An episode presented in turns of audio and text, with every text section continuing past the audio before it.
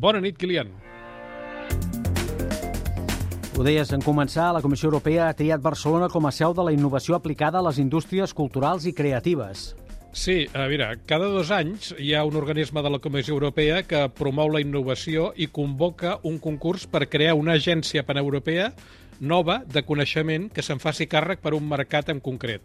Amb les nou convocatòries anteriors s'han centrat en àmbits com la salut, el clima, l'energia, els aliments o la mobilitat urbana, però ara l'objectiu és innovar les indústries culturals, començant per les que podríem dir pures, que són els museus, la gestió del patrimoni, l'edició de llibres i premsa, també les arts escèniques i musicals o l'audiovisual entès en sentit ampli, incloent-hi la televisió, el cinema i els videojocs, però també amb allò que la UNESCO considera creativitat funcional, que jo no sabia que es deia així, mm. i resulta que és la que està subordinada a una funció econòmica o cultural, com poden ser el disseny de moda, el disseny de mobiliari, la publicitat o l'arquitectura.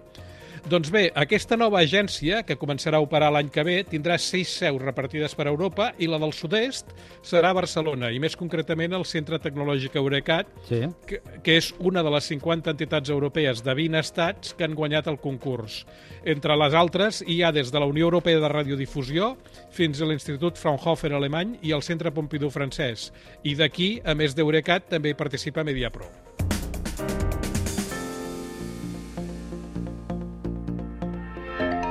Deixa'm dir una cosa perquè tu de memòria, però Eurecat ja encapçalava una comunitat semblant a escala catalana, no? Doncs bona memòria, perquè sí. és, és, és cert, eh, es, diu, es diu Comunitat RIS3CAT Media, és un nom una mica estrany, eh, però la formen 34 entitats d'aquí, inclosa la nostra Corporació de Mitjans Audiovisuals, Veus? I, i uns 15 milions de pressupost de la Generalitat, i aquesta comunitat ha portat a terme 8 projectes com l'anomenat Vivim, de formats audiovisuals immersius, en participació de TV3. Eh, segurament la comissió ha valorat aquesta experiència a l'hora d'adjudicar la nova agència. I aquesta agència, aquesta nova agència, farà diverses coses, eh? Sí, amb un pressupost de 300 milions d'euros a 10 anys vista.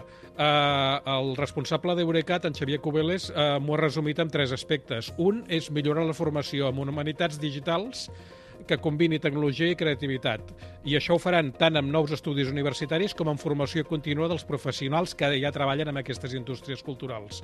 Uh, L'altre aspecte, el segon, és impulsar iniciatives com poden ser les tecnologies immersives que dèiem i les aplicacions de la intel·ligència artificial. I la tercera és donar suport a l'emprenedoria.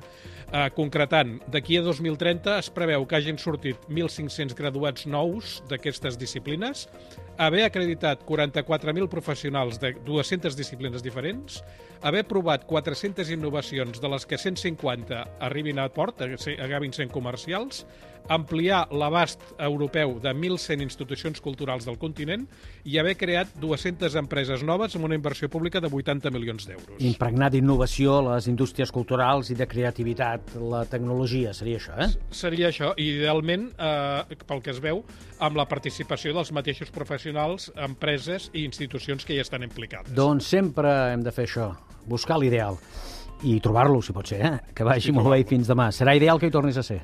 Doncs fins demà, Kilian, bona nit. Vagi bé.